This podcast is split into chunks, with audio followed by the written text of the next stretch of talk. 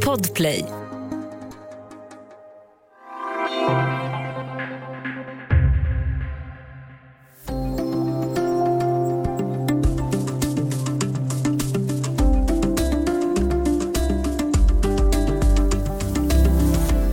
Förhållande till sin ringa storlek är Sverige en betydande exportör av vapen.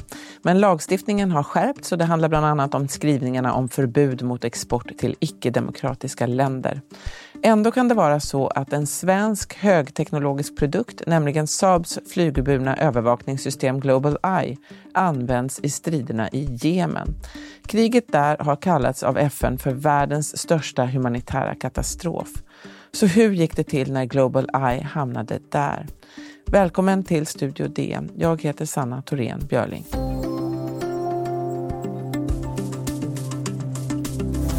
Ja, svensk vapenexport får ju uppmärksamhet med jämna mellanrum. Det finns ett dilemma i att hålla hög svansföring i globala fredsfrågor och samtidigt sälja vapen. Exporten av krigsmateriel brukar motiveras med att den är nödvändig för Sveriges neutralitet. Men vi kommer till det. Först säger jag välkommen till dagens gäst, Erik Olsson, DNs Mellanöstern-korrespondent. Hej! Hej! Man skulle kunna säga att du är stammis här faktiskt. Du är med ofta, det tycker vi är jättebra. Ja, jag med. Eh, jag pratade lite där inledningsvis om vapenexport, men nu tycker jag vi börjar i en annan ände, nämligen i Jemen. Du har ju rapporterat om kriget där i flera år nu. Eh, hur är situationen i Jemen? Situationen i Jemen är förfärlig. Det är som du nämnde världens just nu värsta humanitära katastrof. Och vad innebär det? Jo, det innebär eh, hunger, eh, det innebär eh, svältgräns för många, varubrist, brist på medicin, mycket våld, stor osäkerhet, en, en kollapsande samhällsstruktur. Och allt det här eh, grundar sig i, i kriget från 2005, som började 2015, som har pågått alltså i drygt sex år. Och sen får man också komma ihåg att Jemen innan kriget var ett av världens fattigaste länder. Mm. Så påminn oss då, det är ju lite komplicerat det här, men vilka är nu de stridande parterna i det här kriget? Man får nästan gå tillbaka till det som kallades för den arabiska våren 2011, eh, då det pågick ett, en rad folkresningar i länder i Mellanöstern och Nordafrika. Jemen var ett av dem och främst Jemens unga ville göra sig av med eh, envåldshärskaren Ali Abdullah Saleh som då hade regerat i 30 år. Saleh ville inte stiga av eh, presidenttronen godvilligt, eh, men det blev medling där med Gulfstaternas samarbetsråd GCC som förmådde honom att kliva av till slut. Eh, men då lierade han sig med en etniskt religiös minoritetsgrupp som heter houthierna och som hade skaffat sig militärt inflytande i norra Jemen. Och de fick stöd, och har fortfarande stöd av Iran och eh, lyckades eh, erövra huvudstaden Sana som de fortfarande håller. Eh, det, det är de på ena sidan, på andra sidan är det som man kallar för regeringssidan som får stöd av Saudiarabien som har trummat ihop en koalition. Just det. Den här Saudiledda koalitionen då, vilka är det som ingår där? Det är, formellt är det, jag tror det är nio länder, men i själva verket så är det ju Saudiarabien och Förenade Arabemiraten som, som, eh, som är tongivande. Sen är Egypten inblandat på ett hörn, några av de här mindre eh, Gulfstaterna, Bahrain och eh, Kuwait. Sudan också tror jag. Men, men det som sagt, det är Saudi och, och Förenade Arabemiraten som, som styr, styr detta. Mm. Och de här länderna, de köper ju då, har gjort det under lång tid, krigsmateriel, bland annat från Sverige. Eh, hur kommer det sig? De har velat rusta upp sina eh, försvar, sin, krigsmakt och de har massor med pengar, eh, massor med oljepengar. De köper vapen från hela världen och eftersom du, Sverige är en ganska stor producent så ingår då Sverige i, så att säga, i kundkretsen. Men Sverige har ju ändå skärpt sitt regelverk, eh, men ändå godkänt export till Saudiarabien. Eh, förra, vår förra utrikesminister Margot Wallström hon kallade ju häromåret den regimen för medeltida. Hur kommer det där sig att det ändå har varit okej? Okay? Det är väl som du nämnde tidigare att det finns ju ett eh, kriterium då att det, man ska inte eh, exportera till icke-demokratiska länder eller länder som är inblandade i eh, konflikt med andra länder. Men sen finns det också ett eh, kriterium som har att göra med, med eh, Sveriges försvarsförmåga.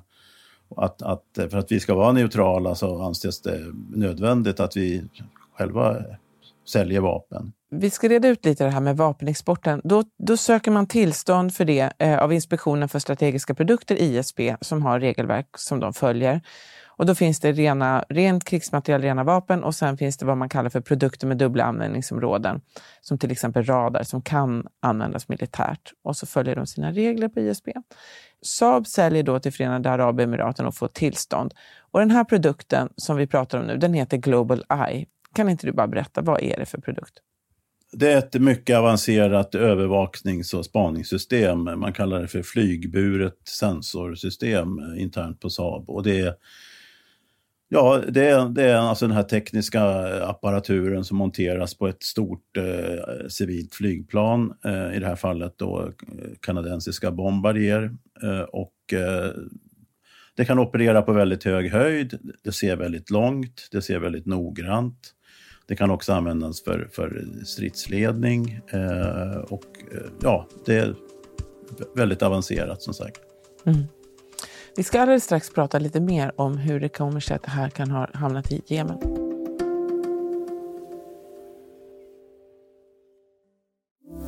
Studio DN idag med DNs mellanösternkorrespondent Erik Olsson. Vi pratar om svensk vapenexport och kriget i Jemen. Eh, det här Global Eye som du beskrev här nu, det är ju ett dyrt övervakningssystem måste man ändå säga, eh, som väl placeras då eh, på ett flygplan. Men hur ser marknaden ut för en sån här produkt?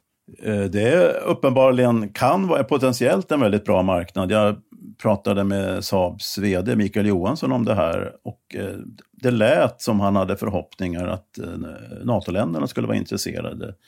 Därför att eh, NATO har just nu inget liknande system på, på, den här nivån. Det är intressant eftersom det är både fransmän och amerikaner med i NATO. De är ju stora vapenproducenter, men de kanske behöver svenska grejer ändå. Tydligen är det så att eh, de har förlitat sig på att eh, USA ska ta fram någonting i, i, den här hästvägen. Men det har de inte gjort än så länge. Det finns mm. något eh, israeliskt system och något, jag tror det är amerikanskt system, men det är inte lika vast som, som det här som Saab har tagit fram. Mm. I den här intervjun med Saabs chef Mikael Johansson, eh, hur motiverar han försäljningen till ett land som Förenade Arabemiraten? Uh, ja, men han, sa, han säger att, att uh, Saab följer ju alla regler och uh, lagar som uh, har stiftats i god demokratisk ordning. Så han ser inga problem med, med den här affären. Nej. Jag tycker det är intressant det han säger i din intervju, nämligen att det inte är ett privat företags uppgift att bedöma konflikter eller hur de ska lösas. Eh, vad, vad, vad menar han med det tror du? Ja, han, eh, han är väl antingen eh, cynisk eller klarsynt. Det är ju, eh, det är ju som, som han nämnde, och med all, all rätt, regeringar och riksdag som, som stiftar lagar som ordnar ramverket för det här. Och Saab som krigsmaterieltillverkare försöker sälja sina produkter till så många som möjligt. Mm. Men det finns ju ändå en, en växande eh, trend av att företag också tar någon slags samhällshänsyn. Jag menar, det är klart om man säljer krigsmateriel så är det det man gör. Men att man väljer att sälja till ja, vilka, vilka kunder man väljer till eller vilka hur man väljer att göra saker. Var det här någonting han kom in på eller han höll sig strikt till lagar och regler? Ja, nej, men han, eh, han hade ju företagets perspektiv och det är ju att eh, vi säljer till dem som, som vi får sälja till enligt eh, det land vi verkar i. Mm. Men just Jemen tas ju faktiskt också upp politiskt här i, i januariavtalet, eh, skriver du, och att man faktiskt inte får sälja till de eh, krigförande parterna där. Hur kommer det sig att det här ändå är, är tillåtet, att det eh, har ändå fungerat, att det ändå har gått? Ja, det är en intressant fråga för det här, den här skrivningen i januariavtalet den tolkas ju väldigt olika eh, till och med i, ja, inom regeringspartierna. Så att eh, där gör man ju olika eh, bedömningar.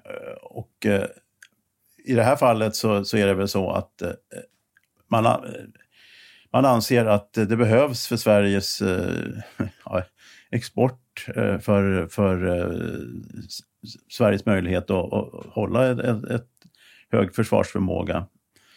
Eh, för att det är ju det är ju de kriterierna vägs ju också in. Det är inte bara demokratiaspekten och det här att man inte får sälja till, eller bör sälja till, till krigförande länder som är i krig med andra. Ja, men, men det, är, det är också, det kan man komma ihåg att eh, de, de behöver inte, ISP behöver ju inte motivera sig. Det är ju sekretessbelagt, så det är ju svårt att få, ha någon uppfattning om. Mm. Jag vet tidigare år, många andra sådana här affärer som har eh, uppmärksammats, då har det ibland handlat om att det är följd, så kallade följdleveranser som kan vara ett beslut som ligger många år tillbaka i tiden och sen är det uppföljande leveranser som ingår i tidigare avtal och sådär.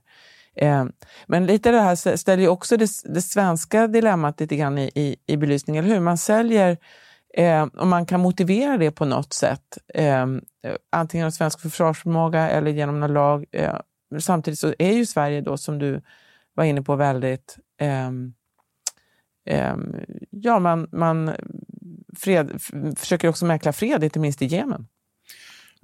Jag bara börjar den här ändan med följdleveranser, för det är ju någonting som de tar väldigt hårt fasta på, både Saab och regeringen. Att, att den här affären, Global Eye med Förenade Arabemiraten, inleddes 2015. Och allt efter det räknas som följdleveranser. Och det ska då vara ett skäl till att, att eh, fortsätta sälja, till, till, sälja dit, trots att man krigar i Jemen. Nu ska man komma ihåg att andra länder gör andra tolkningar. Italien till exempel, eh, de, de har slutat helt. De, de klippte av all handel med Saudiarabien. Uh, följdleveranser och rubbet. Så att, mm. finns den politiska viljan så går det ju att göra, fatta sådana beslut. Mm. Ja, men du hade en annan fråga som jag tappade bort nu. Nej, men jag tänker just kring det här svenska dilemmat här, att hur, man, hur, hur svenska regeringen nästan alltid har eh, ja, balanserat här på hur man, hur man motiverar sin, sin krigsmaterielexport och vad man kan godta och inte. Ja, absolut. Och det är väl beroende på hur man ser på saken så kan man ju tolka det som realpolitik eller man kan tolka det som hyckleri och principlöshet. Det, mm. det är beroende på vem, ja, hur man ser på saken. Vem man frågar. Hur ja. säger till exempel organisationer som Svenska Freds då, som ju är, är välkända motståndare till vapenexport? Ja, nej, men de tycker såklart att, att äh, affären med, med äh, Förenade Arabemiraten är förkastlig. Mm. På de här grunderna, att äh, det är ett krigförande land, det är icke-demokratiskt och det finns risk att det här systemet används i, i, i deras krig i Jemen. Mm. Ja, precis. Vi kanske ska säga det också. Vad vet vi egentligen om hur det har, faktiskt har använts? Eh, Förenade Arabemiraten har inte velat prata med mig, de säger ingenting. Eh, Saabs VD Mikael Johansson han säger att eh, de frågar inte kunden hur, hur produkterna används. Eh, om man vill eh, försöka luska det här själv så är det väldigt svårt därför att det här är ett system som inte sätter några spår. Det är ingen kanu kanon som skjuter iväg eh, kanonkula utan de sysslar med spaning så det är ju jättesvårt att och, eh, och, bilda sig en uppfattning om om det har använts i Jemen eller inte. Mm. Den svenska vapenexporten uppgick förra året till omkring 16,3 miljarder kronor. Eh, men Sverige håller ju på att rusta upp precis eh, som flera andra länder. Vad tror du att det där kommer att betyda för svensk vapenexport framöver? Ja, för eh, vapenindustrin så betyder det väl ett, eh, rimligen ett uppsving. Eh, Mikael Johansson, eh, Saabs VD, han antydde att eh, svenska försvaret är intresserad av att införskaffa Global Eye. Och det kostar ju pengar och det skapar väl också sysselsättning får man anta. I Mellanöstern som jag bevakar, där pågår en, sedan ganska många år en kraftig upprustning. Så att det, det är väl goda tider för vapenexporten då, på, eh, hur man nu ska tolka det, höll jag på att säga. Mm. Vi får avrunda där. Stort tack för att du var med idag, Erik Olsson. Ja, tack.